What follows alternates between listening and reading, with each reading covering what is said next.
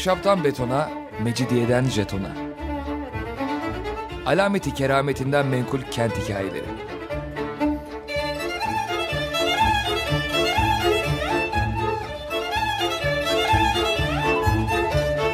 Hazırlayan ve sunan Pınar Erkan.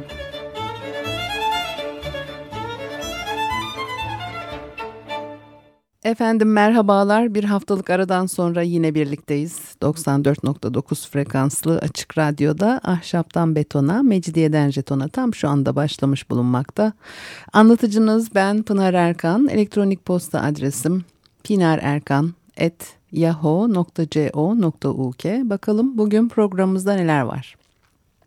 Boğaz içinin ilk adı Bosphorus. E, bileşik bir sözcük. Bos e, inek demek. E, forest da geçit e, demek. İnek geçidi. Boğaz içine inek geçidi denmesi veya buzağı geçidi denmesi mitolojik bir öyküden e, kaynaklanıyor. Tanrılar tanrısı Zeus sayısız kızı baştan çıkarıyor ve bu kızlardan biri de Io. Bir de Zeus'un bu tip şeyleri hiç affetmeyen eşi var Hera. Zeus eşi Hera'nın gazabından kurtulabilmek için süt beyazı Io'yu ve kendisini bir kara buluta sarıyor.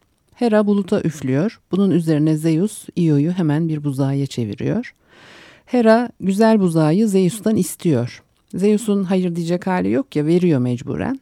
Bunun üzerine Hera güzel buzağı yüz gözlü sırtmaça teslim ediyor. Sırtmaçın birkaç gözü uyurken diğerleri açık kalıyormuş veya uyurken birkaç gözü kapalı dururken diğerleri açık kalıyormuş. Böylece buzağı gözlüyormuş sürekli. Zeus Hermes'i sırtmaça gönderiyor Io'yu kurtarsın diye.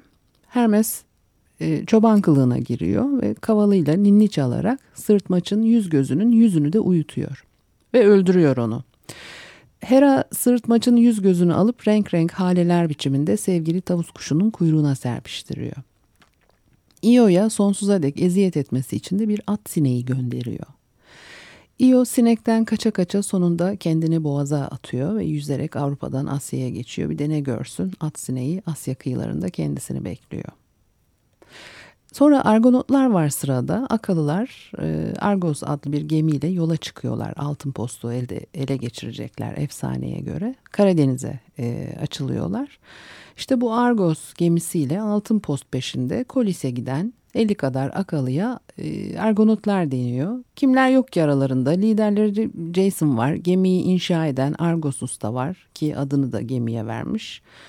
Truva savaşlarına neden olacak güzel Helena'nın kardeşleri Castor ve Pollux, e, erişilmez olan Orpheus yani e, mitolojik kahramanların e, çok pek çoğu orada. E, ve de gemi kehanetlerde bulunuyor. Çünkü kehanetler yağdıran bir ağacın kerestesinden yapılmış. Konuşan bir gemi bu. E, Altın Pösteki mitolojide kanatlı ve kutsal koçun postu. Bu koç üvey annelerinden kaçan iki çocuğu göklere uçuruyor. Çocuklardan biri denize düşüyor. Öteki çocuk Kolis'e varınca e, koçu Zeus'a kurban ediyor. Postunu da armağan olsun diye Etes kralına veriyor.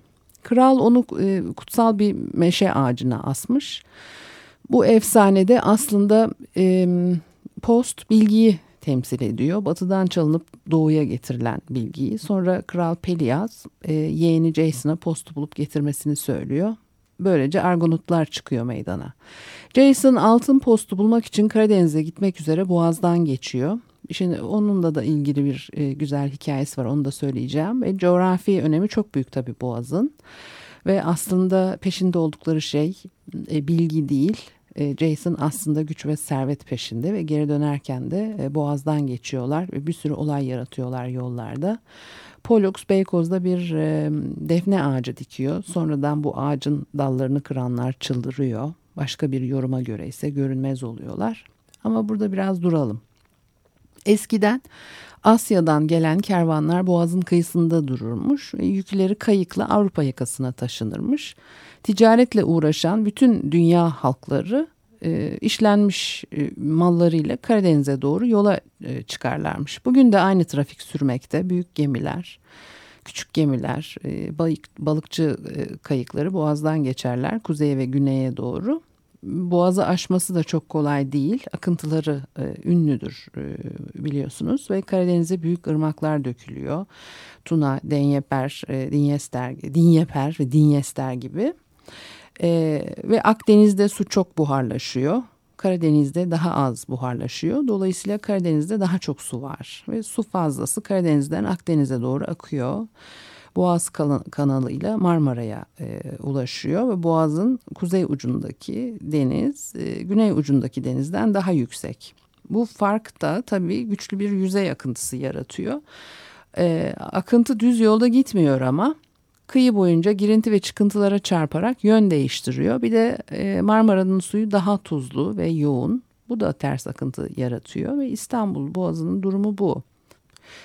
Boğaziçi ile ilgili ikinci hoş bir efsane e, Kavaklar'da geçer. Altın post peşindeki denizciler Boğaz içinden Karadeniz'e çıkacakları zaman bakmışlar Boğaz'ın ağzının iki yanında kocaman kayalar var ve bunlar dev bir çene gibi açılıp kapanıyor. Kayalar iri dişler gibi çat çat çat birbirine çarpıyor ve iki yakadan kayaların arasına düşen gemiler burada parçalanıyorlarmış. Argos gemisindeki denizciler bu kayalar arasından bir kumru uçurmuşlar. Kumru geçmeyi becerebilirse kendilerinin de geçebileceğini düşünmüşler. Kumru kuyruğunun tüylerini kayalarda bırakarak öte yana uçmuş. Bunu gören denizciler de cesaretlenip küreklere asılmışlar. Fakat orada yüreklerinin başka bir korku doldurmuş. Karadeniz kıyılarında yaşayan Amazonlara görünmemek için sessizce yol almışlar.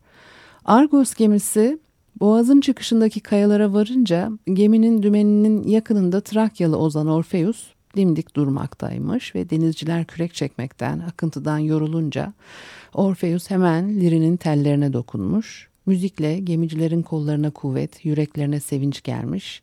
Öyle ki kürekler adeta kanat olup uçmuş. Orfeus'un müziği dağlardaki yabani hayvanları uysallaştırır, ormanları büyüler ve katı kayaları bile yumuşatırmış. Keskin kayalar üzerinde oturup saçlarını uzun uzun tarayan ve hazin türküleriyle gemicileri çıldırtan güzel deniz kızları sirenler varmış. Argos gemisinin kahramanları buradan geçerken sirenlere yanaşmak özlemiyle yanmışlar. Orpheus gemicilerin sirenlere doğru yol aldıklarını görünce hemen lirini kapmış ve çalmaya başlamış. Yükselen müzik sirenlerin türküsünü yenmekle kalmamış onları bile büyülemiş.'' Argos gemisi boğazın ağzına vardığında Orpheus lirinin tellerini yeniden çınlatmış. Ortalık bu dünyaya ait olmayan bir müzikle çıngıldamış ve müziği duyan boğazın da ağzı açık kalmış. Kahramanlar aşka gelmiş ve hep birlikte türkü söyleyerek kavakları geçmişler, Karadeniz'e varmışlar. Bu kayaların efsanedeki adı Simplekat kayalarıdır ve bu olaydan sonra e, kayalar uslanmış artık yerlerine oturmuşlar. Tabii e, bu ve benzeri efsaneler ve ilk çağ denizcilerinin e, Boğaziçi akıntılarını nasıl e, sıkıntılar çekerek e, yol aldıklarının bir e, anlatımı, bir anısı. Kavaklarda pek eski zamanda büyük bir e, tapınak yükselmekteymiş ve kime ait olduğu belli değilse de e, Halikarnas balıkçısı bunun Poseidon ya da Io'ya ait olabileceğini söyler. Belki Karadeniz'e çıkmadan önce Poseidon ya da Io'ya e, dua ediliyordu. Bir parçacık geriye gidersek de altın postçular Marmara'nın kuzey kıyılarına vardıklarında Phineas e, adında zavallı bir ihtiyara rastlamışlar. Ve Tanrı Apollon bu adama gelecekte neler olacağını görüp söyleme gücünü vermişmiş. E, Zeus bu işten hiç bu işten hiç hoşlanmamış. E, çünkü yaptığı yaramazlıkların ortada yani Zeus'un da yaramazlık yapması e, ortaya çıkmasını istemiyor tabii. E, e, koskoca tanrı e, yaramazlıktan fazlasını yapıyor tabii ama e, Zeus'un tazıları diye anılan e, Harpi adlı kuşlarını adamın üzerine salmış ve zavallı ihtiyar ne zaman bir şey yiyecek olsa kuşlar üzerine pisliyorlarmış.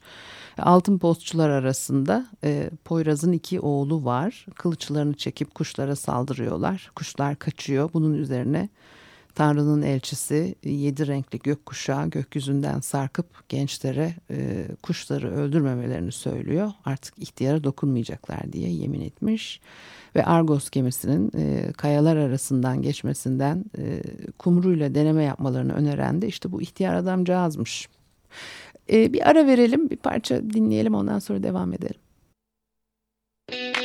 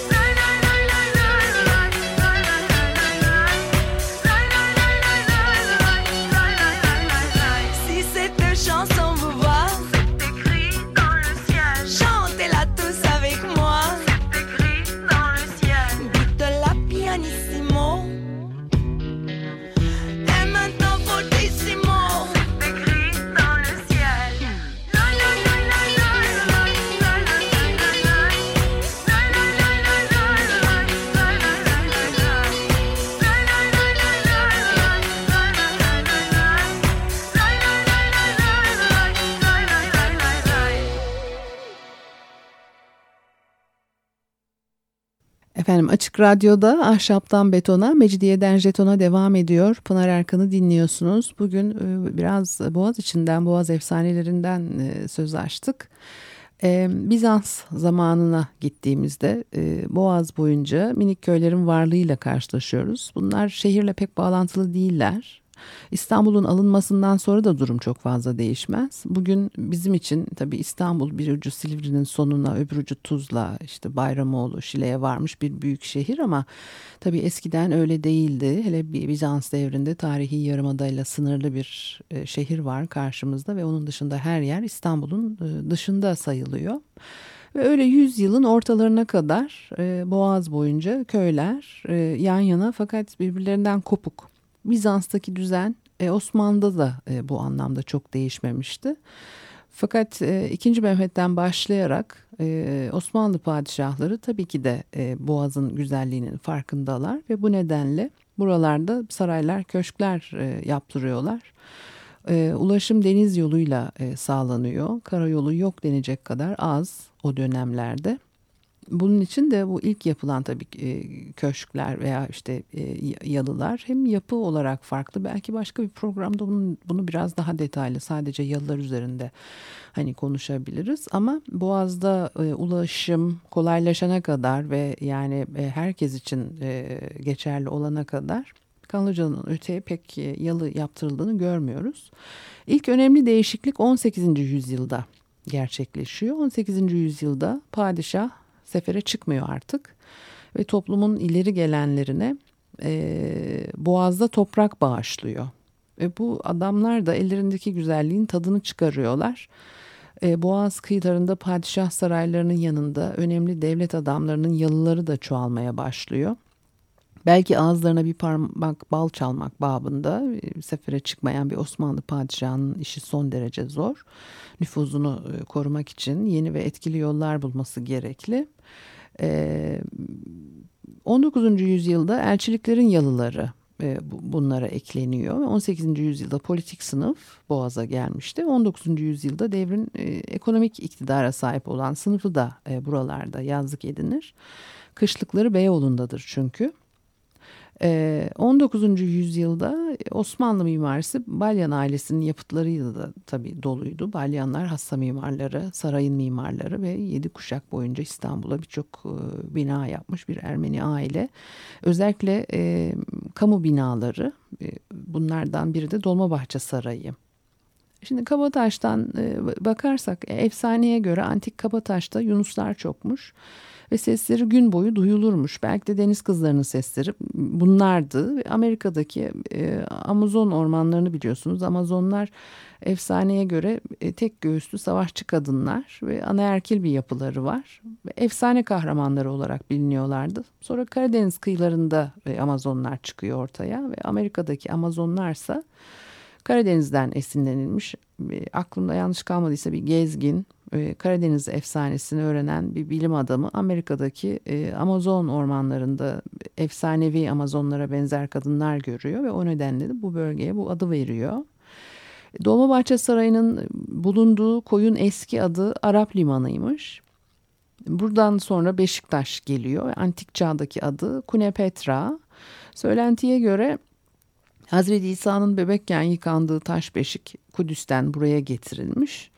Ee, Hristiyanlığın ilk dönemlerinde e, tabii bu ve tabii Argonotlardan niye başladım anlatmaya. Bu kıyılara Argonotların liderinden yola çıkarak Yasonyan da denirmiş ve başka bir söylentide e, Barbaros Hayrettin Paşa'nın e, buraya beş tane taş diktirmesidir. Ve beş adet taş sütun dikili. E, gemiler bu sütunlara bağlanıyor ve beş taş zamanla olmuş e, Beşiktaş semtlerin isimleriyle ilgili tabii anlatıla gelen çok çeşitli hikayelerden bir tanesi. E, e, burası Osmanlı kaptanı deryalarının e, çok sevdiği bir yer.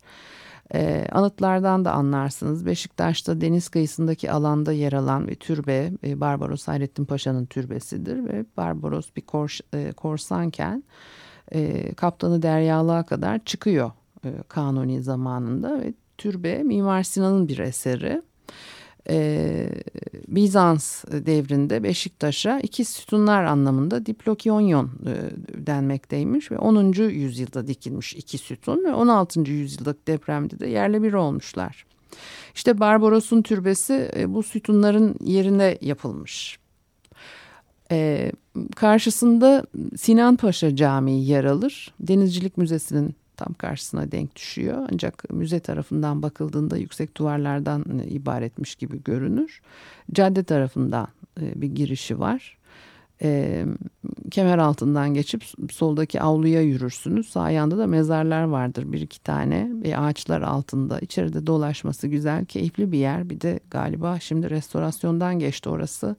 Onunla da ilgili bir takım tartışmalar vardı ama ben tabii restorasyondan sonra hiç e, içeri girip çıkmadım. Dolayısıyla var mı bir farklılık, bir değişiklik nedir onu da çok iyi bilmiyorum açıkçası.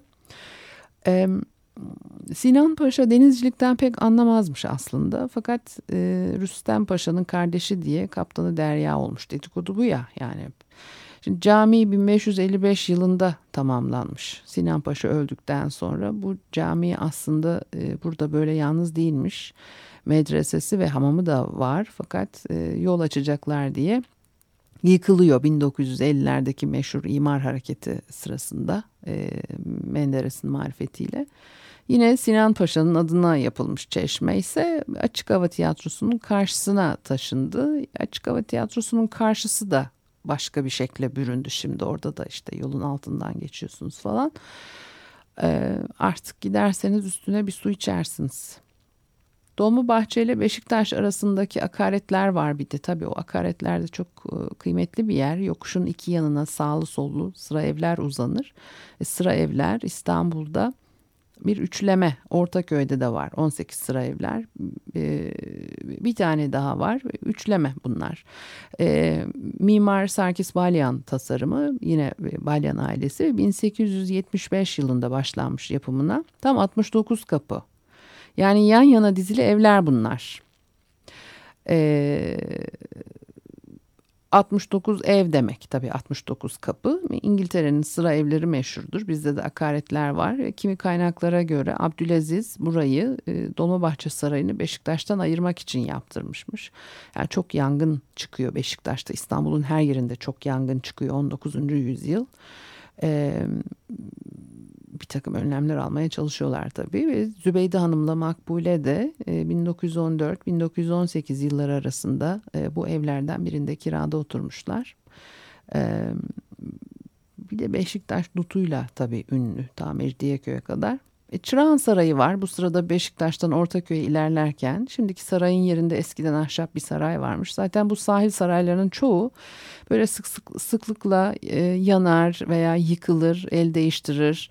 Çünkü yani e, gözden düşen e, paşalar veya devlet adamları işte sürüldükleri zaman veya işte başka türlü şeyler olduğu zaman artık e, o köşkler, yalılar onlara ait kalmıyor. Dolayısıyla da yeni gelen bir süre sonra eğer başka birisine verilirse e, ya yeniden inşa ettiriyor, düzelttiriyor e, falan. Dolayısıyla sahil sarayları 19. yüzyıl boyunca çok sık değişmiştir ve yeniden inşa edilmiştir.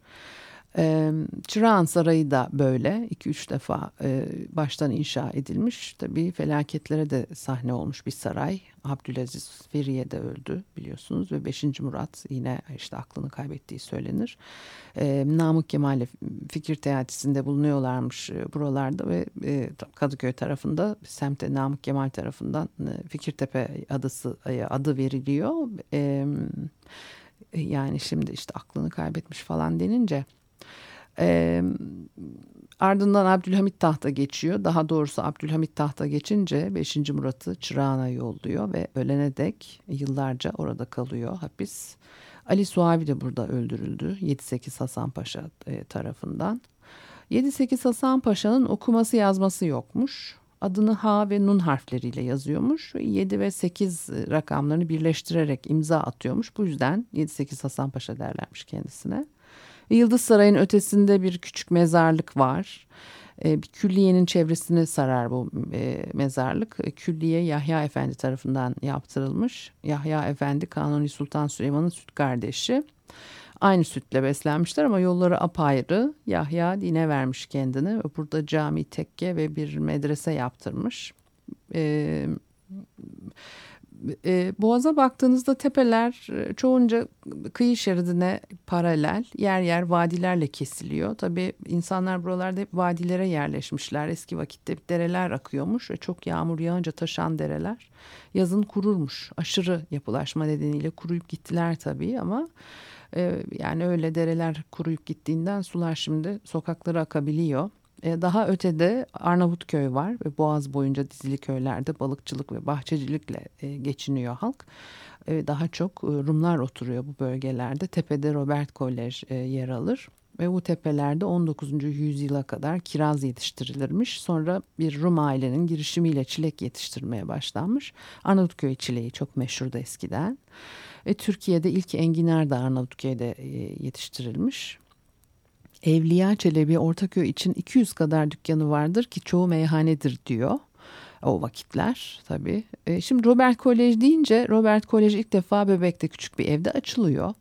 1863 yılında ve Kırım Savaşı için işte Türklere yardıma gelen Amerikalı misyonerlerden biri açıyor. Ve o devirde çok var e, misyoner okulu.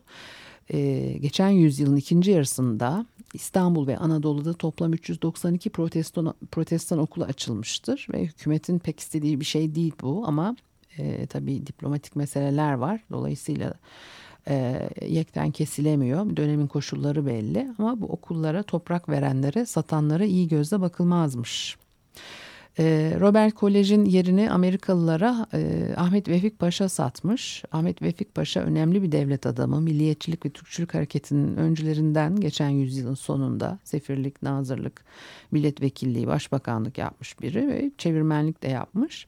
Şimdi rivayete göre e, kendisini kızdırmış hükümet borçlanıyor fakat o vakit e, yani hükümet yüzünden borçlanıyor. Hükümet durumu kabul edip borcunu üstlenmemiş. Paris'te sefirken milliyetin e, haysiyetini korumak için hükümetin emriyle verdiği ziyafetlerin parası sebebiyle borçlanıyor. Sonra paşa kendi haysiyetini korumak için toprağını Amerikalılara satıp elde ettiği gelirle borcunu kapatmış. E, hükümet bundan hiç memnun kalmamış. Ne var ki engel de olamamışlar ama paşa öldükten sonra usul gereği 2. Abdülhamit'e cenazenin nereye gömülmesini istediği sorulmuş.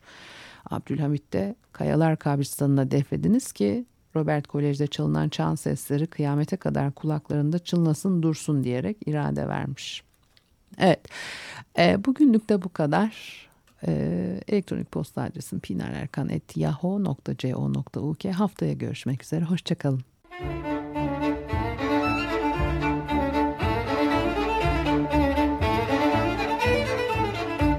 Ahşaptan betona, mecidiyeden jetona. Alameti kerametinden menkul kent hikayeleri.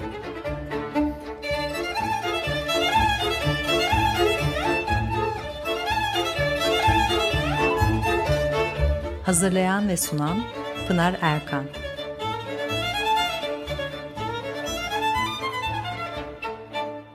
Desteği için Açık Radyo dinleyicisi Burcu Renk Görür'e teşekkür ederiz.